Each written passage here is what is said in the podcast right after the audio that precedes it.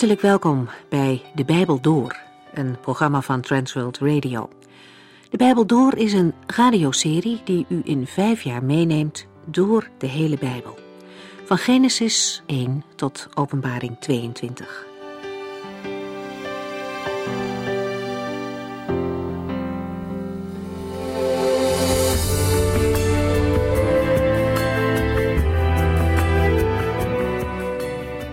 We lezen in deze serie vandaag weer verder uit het Bijbelboek Openbaring. In hoofdstuk 6 lezen we hoe de Heere God begint met zijn oordelen over de aarde in de eindtijd. Er worden zes zegels geopend die gebeurtenissen in gang zetten. Het zevende en laatste zegel komt pas in Openbaring hoofdstuk 8 aan de beurt. De eerste vier zegels die verbroken worden door het lam, dat is Christus, brengen paarden met ruiters in beweging. Een wit paard met een overwinnende ruiter die een boog en een kroon draagt. Vervolgens een rood paard waarop een ruiter met een zwaard zit. Hij neemt de vrede op aarde weg. En het derde paard is zwart. De ruiter van dit paard heeft een weegschaal in zijn hand en brengt hongersnood. Dan wordt de vierde ruiter geroepen. Ook hij begint een tocht over de aarde. Hij rijdt op een vaal, grauw paard. En dit paard typeert de dood. De ruiter op het vierde paard brengt het tot dusverre zwaarste oordeel. Hij draagt geen attribuut zoals de eerste drie, maar hij heeft wel een naam. Hij heet de dood. Of, zoals het boek zegt, de dood zat op zijn rug. Verre is deze ruiter niet alleen, want de Hades, het dodenrijk, volgt hem. Hun optreden is vernietigend. Ze krijgen macht om een kwart van de wereldbevolking te doden. Hoewel dit enorm is en heel beangstigend zal zijn als het gebeurt, is de macht van de dood niet onbeperkt. God zelf geeft precies aan tot hoever die macht mag gaan. Al in Openbaring hoofdstuk 1 hebben we gelezen dat Christus alle macht heeft over de dood en het dodenrijk. De inperking laat verder ook zien dat dit oordelen zijn die plaatsvinden voor de wederkomst van Christus. Zonder onderbreking volgt dan het verbreken van het vijfde zegel door het lam. Het thema van dit zegel is de vervolging van de gelovigen. De martelaren die Johannes ziet schreven het uit tot God, hoe lang, o heilige en waarachtige heerser, oordeelt en wreekt u ons bloed niet aan hen die op de aarde wonen. Ze horen dat ze nog een korte tijd geduld moeten hebben, maar als het zesde zegel verbroken wordt, komt er antwoord. De gebeurtenissen die dan plaatsvinden zijn een oordeel over de inwoners van de aarde. We gaan hier vandaag weer verder en lezen de eerste verse van Openbaring hoofdstuk 7.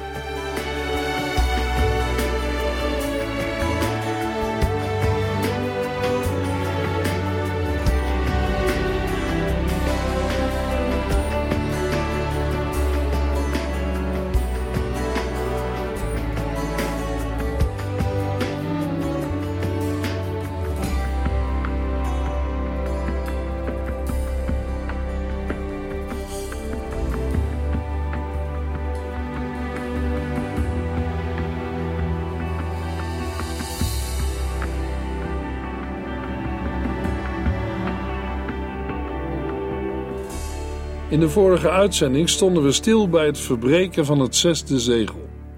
De gebeurtenissen die plaatsvinden na het openen van het zesde zegel vormen een antwoord op het gebed van de martelaren, want ze betreffen het oordeel over de bewoners van de aarde. Degene die het zesde zegel opent is opnieuw het lam. Johannes gebruikt in de versen 12 tot en met 17 beelden uit het Oude Testament met name van de profeten Jesaja en Joël. De versen 12 tot en met 17 vallen uiteen in de weergave van het oordeel dat losbreekt in de versen 12 tot en met 14 en in de versen 15 tot en met 17, de reactie van de getroffen mensen op aarde. Er wordt gesproken van allerlei natuurrampen. Naast een grote aardbeving veranderen de zon en de maan van uiterlijk. Deze natuurverschijnselen benadrukken het overweldigende karakter van Gods oordeel. Een aardbeving is een veel voorkomend thema in de beschrijvingen van de oordelen in de eindtijd. En datzelfde geldt voor veranderingen aan de zon en de maan. Bij deze woorden zullen we aan wereldschokkende atmosferische verschijnselen moeten denken. Dat de zon zwart wordt, duidt daarom op een zonsverduistering, waardoor het donker wordt op aarde. In Openbaring 6, vers 12 lezen we in de Griekse tekst: En ik zag, toen hij het zesde zegel opende, en er kwam een grote aardbeving, en de zon werd zwart als een harenzak, en de maan werd geheel als bloed. Een harenzak was een ruw kleed, gemaakt van het haar van een zwarte geit, en werd gebruikt als rouwkleed. Ten slotte vindt er een dreigende maansverduistering plaats. De aanduiding bloed staat voor bloedrood, de dreigende kleur die de maan krijgt ten tijde van een verduistering.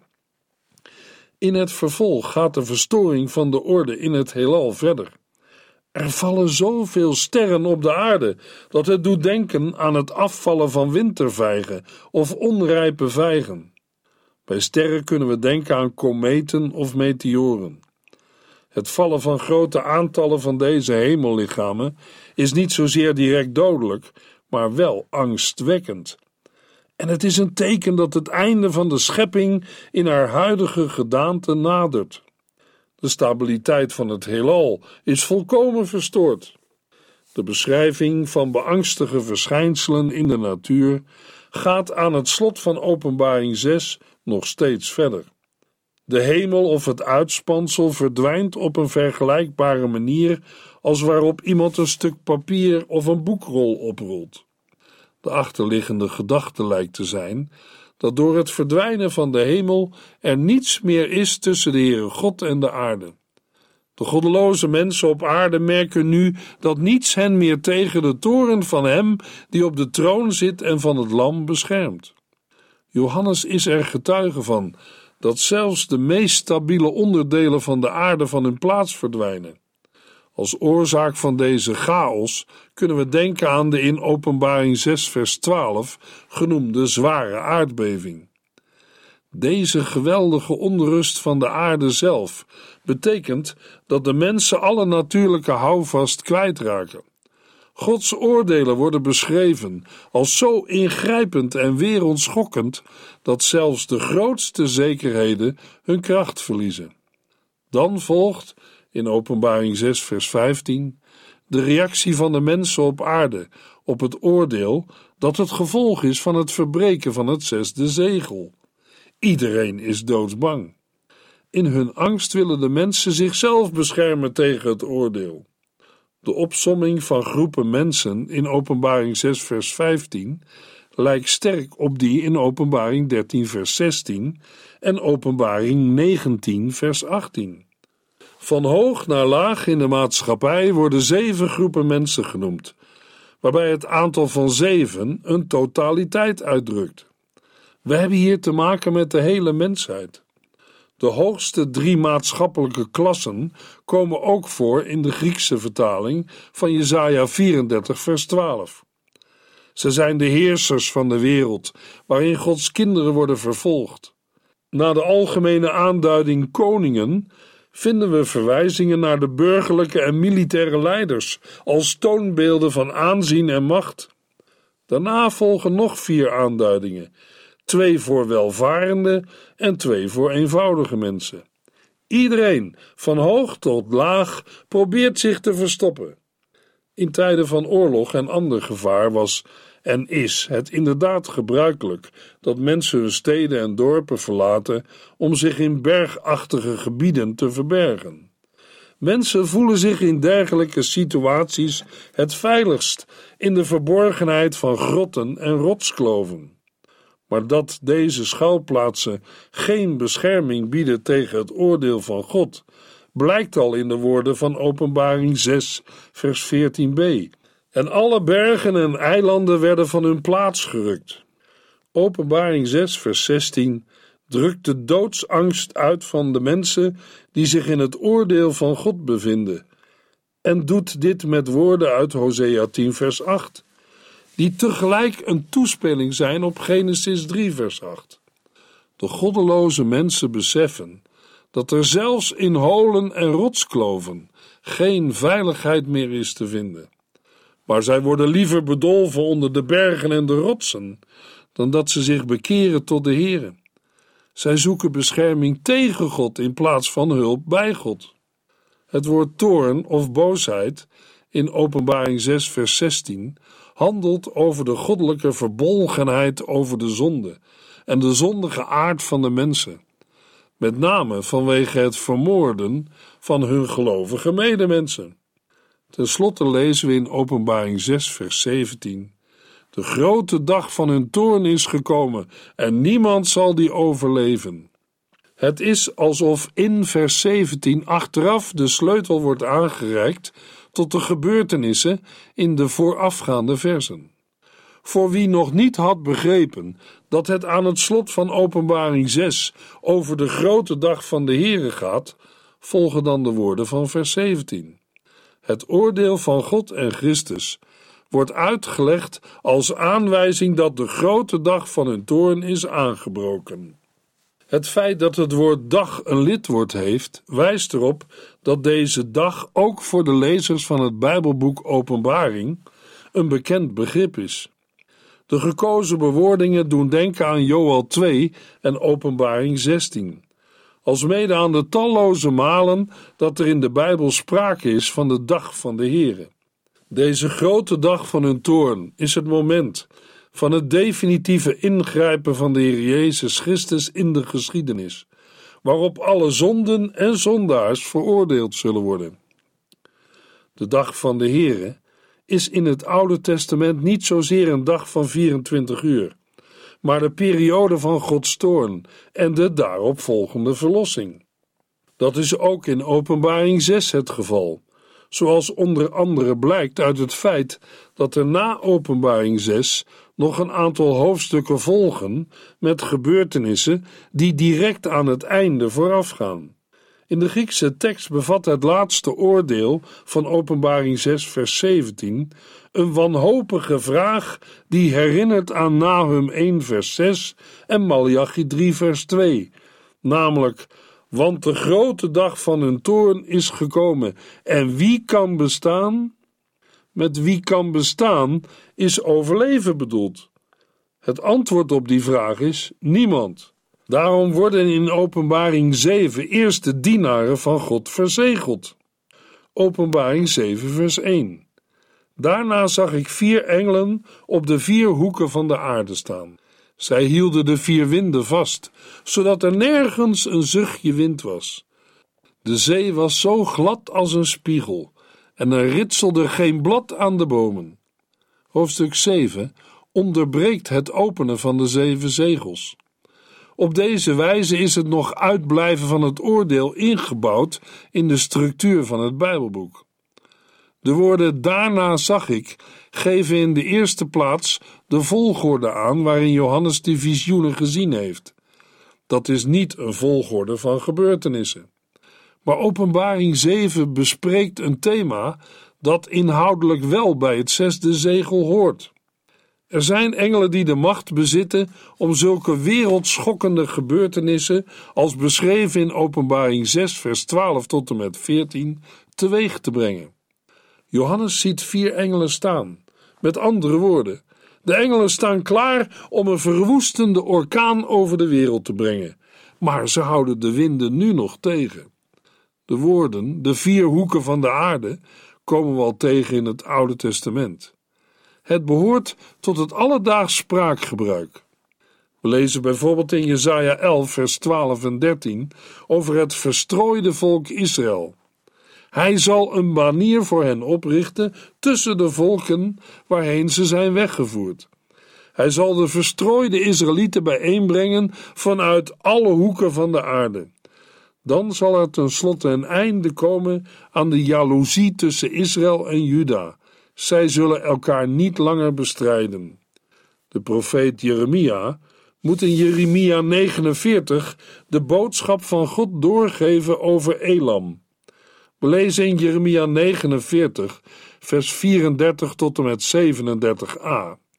Gods boodschap over Elam kreeg Jeremia aan het begin van de regering van koning Sedekia van Juda.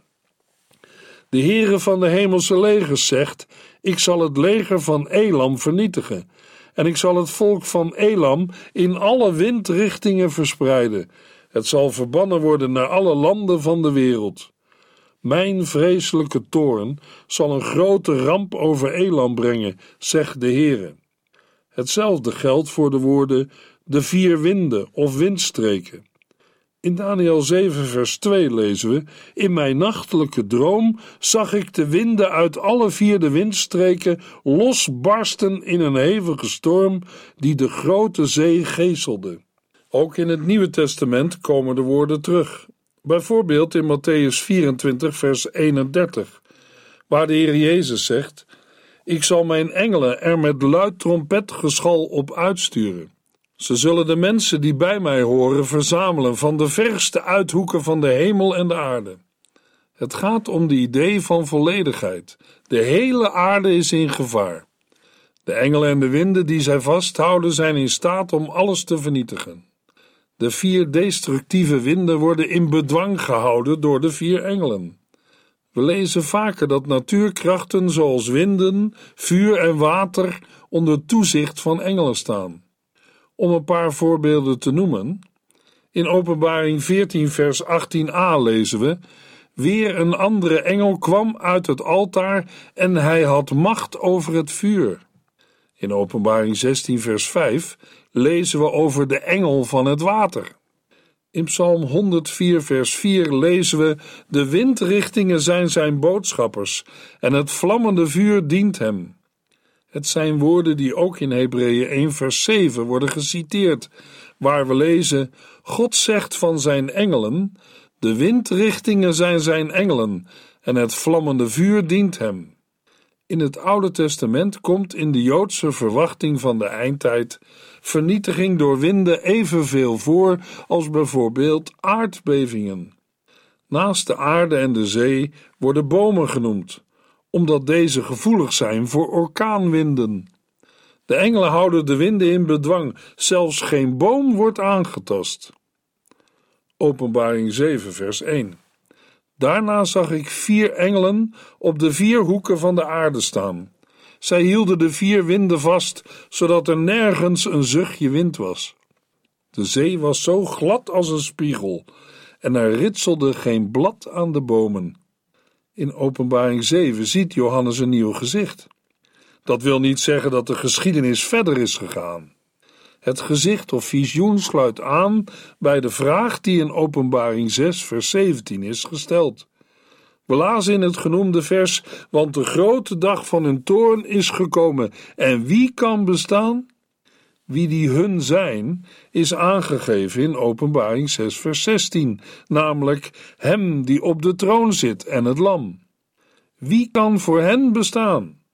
Het antwoord lezen we in Openbaring 7, namelijk de verzegelden zullen bestaan en overleven. Dat blijkt uit het vervolg, als Johannes een grote menigte voor de troon en voor het lam ziet staan. De verzegeling van de in Openbaring 7 genoemde mensen vindt plaats voordat het lam het zevende zegel opent. Daarom roept de engel uit het oosten, die het zegel van de levende God bij zich had: Wacht! Wie moeten er wachten? De ruiters met hun paarden, die horen bij de eerste vier zegels die worden geopend. Voordat de vier paarden over de wereld trekken en de verschrikkingen aanrichten die hen zijn opgedragen, moet er eerst nog iets anders gebeuren. De paarden, in Openbaring 7 voorgesteld als vier winden die schade zullen veroorzaken, moeten worden vastgehouden. Paarden en winden zijn beide beelden voor ontwikkelingen in de wereldgeschiedenis die hun sporen zullen nalaten. Vier engelen aan de hoeken van de aarde, noord, zuid, oost en west, houden de vier winden nog in bedwang. De schade die deze winden zullen toebrengen aan de zee, het land en de bomen, heeft te maken met de economische macht van de stad Rome. De welvaart van de stad was ondenkbaar zonder de macht op zee, waarover producten uit heel het Middellandse zeegebied werden aangevoerd. Het visioen in Openbaring 7 kondigt dan ook grote rampen aan. Openbaring 7, vers 2. Uit het oosten zag ik een andere engel opkomen, die het zegel van de levende God bij zich had. Hij riep naar de vier engelen die van God macht hadden gekregen om de aarde en de zee schade toe te brengen: Wacht! Met de laatste zin van vers 1 nog voor ogen. Er was nergens een zuchtje wind. De zee was zo glad als een spiegel en er ritselde geen blad aan de bomen. Is er het effect van de stilte voor de storm? Op dat moment ziet Johannes een andere engel opkomen uit het oosten, waar de dag aanbreekt. Het is een beeld voor de verlossing uit de duisternis waarin heel de wereld verkeert. Want voordat de storm en de winden losbarsten, moeten de dienaren van God aan hun voorhoofd verzegeld zijn. De gebeurtenissen herinneren aan de woorden van de Heere in Ezekiel 9, vers 4 tot en met 6, waar we lezen: En de Heere zei tegen de man met de schrijverskoker: Ga door de straten van Jeruzalem en zet een teken op de voorhoofden van de mensen, die huilen en zuchten om alle zonden die zij om zich heen zien.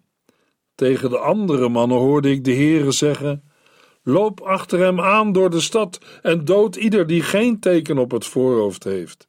Spaar niemand en toon geen medelijden. Dood hen allemaal, oud en jong, meisjes, vrouwen en kleine kinderen, maar raak niemand aan die het teken draagt.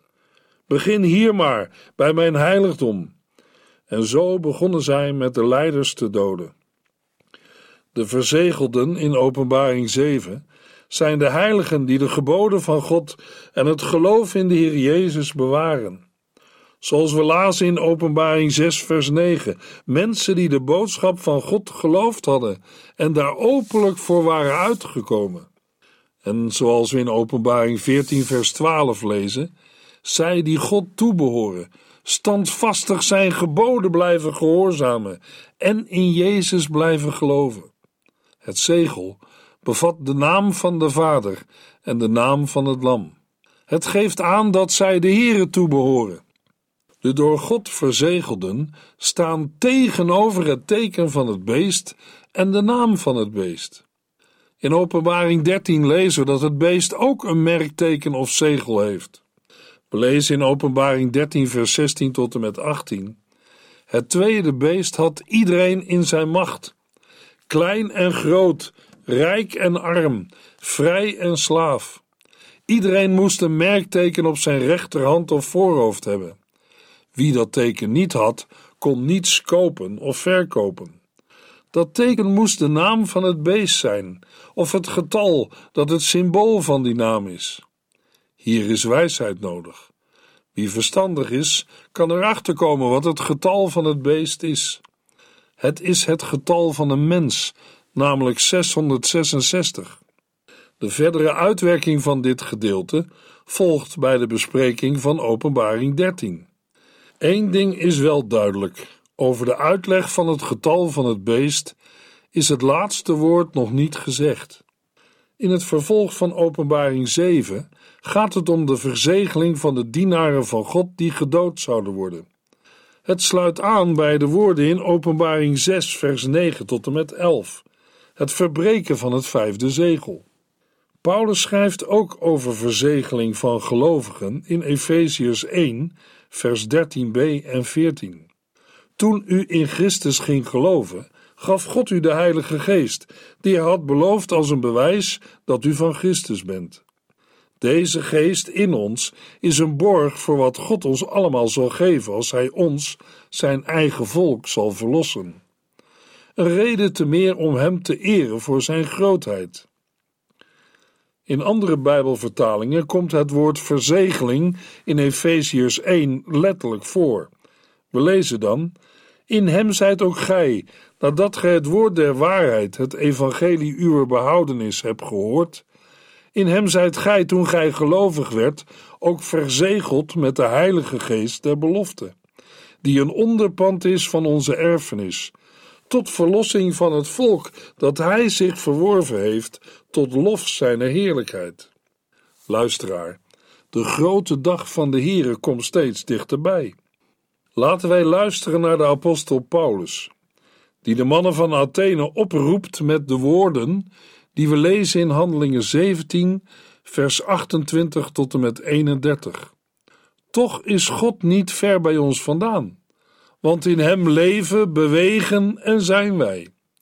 Een van uw dichters heeft het zo gezegd: Wij zijn uit Hem voortgekomen.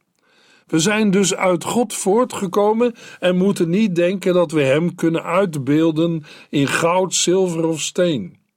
God is niet te vangen in een kunstwerk of de verbeelding van een mens. Hij heeft de domheid van de mensen een hele tijd geduldig verdragen, maar roept hen nu allemaal op tot een volledige ommekeer. Want hij heeft een dag vastgesteld waarop hij rechtvaardig over de mensheid zal oordelen, door een man die hij daartoe heeft aangewezen. Om iedereen te garanderen dat hij zijn woord zal houden, heeft hij die man uit de dood laten terugkomen. In Romeinen 2, vers 16 lezen we een wat kortere versie, namelijk: Dit is het goede nieuws dat ik breng. Er komt een dag dat Christus Jezus in opdracht van God zijn oordeel uit zal spreken over het verborgen leven van de mensen, over hun diepste gedachten.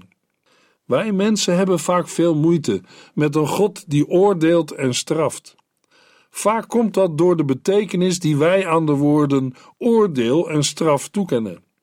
Maar als straf in eerste instantie een opvoedkundige maatregel is om van een verkeerde weg weer terug te brengen, en een oordeel een sanctie om erger te voorkomen, en te laten zien dat het menens is en tot inkeer wil brengen, dan past dat beter bij de woorden die de Heere overal in de Bijbel steeds weer laat horen. Bijvoorbeeld in Ezekiel 18, vers 23 tot en met 25, waar we lezen: Denkt u dat ik de goddeloze graag zie sterven? vraagt de Heere. Juist niet. Ik wil alleen dat hij zich bekeert, zijn goddeloze wegen verlaat en leeft. Maar als een rechtvaardig mens gaat zondigen en zich gedraagt als iedere andere zondaar, zal hij dan blijven leven? Nee, uiteraard niet. Al zijn vroegere rechtvaardigheid zal worden vergeten en hij zal sterven wegens zijn zonden. Maar toch zegt u: De Heer is niet rechtvaardig. Luister naar mij, volk van Israël. Ben ik onrechtvaardig of bent u dat? De Heere zal een ieder oordelen en voor zijn eigen daden belonen of straffen. In de volgende uitzending lezen we verder in Openbaring 7.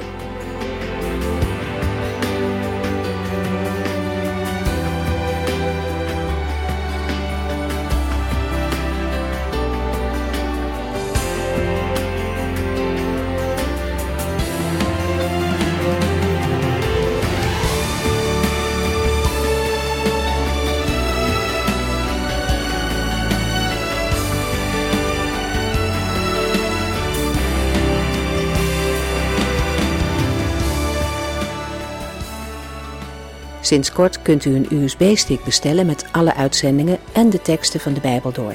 Ons adres volgt in de afkondiging. U heeft geluisterd naar De Bijbel Door. In het Nederlands vertaald en bewerkt door Transworld Radio. Een programma waarin we in vijf jaar tijd de hele Bijbel doorgaan. Als u wilt reageren op deze uitzending of u heeft vragen, dan kunt u contact met ons opnemen. Tijdens kantooruren kunt u bellen op 0342 47 8432. 0342 47 8432. Ook kunt u een e-mail sturen naar de Bijbel door at transworldradio.nl en natuurlijk kunt u ook via de post ons bereiken. TWR, postbus 371, postcode 3770, AJ in Barneveld. Dit programma werd gepresenteerd door Corweda en Ike André. Techniek was in handen van Odin van Woerdenkom. En namens ons allemaal bedanken we u van harte voor het luisteren.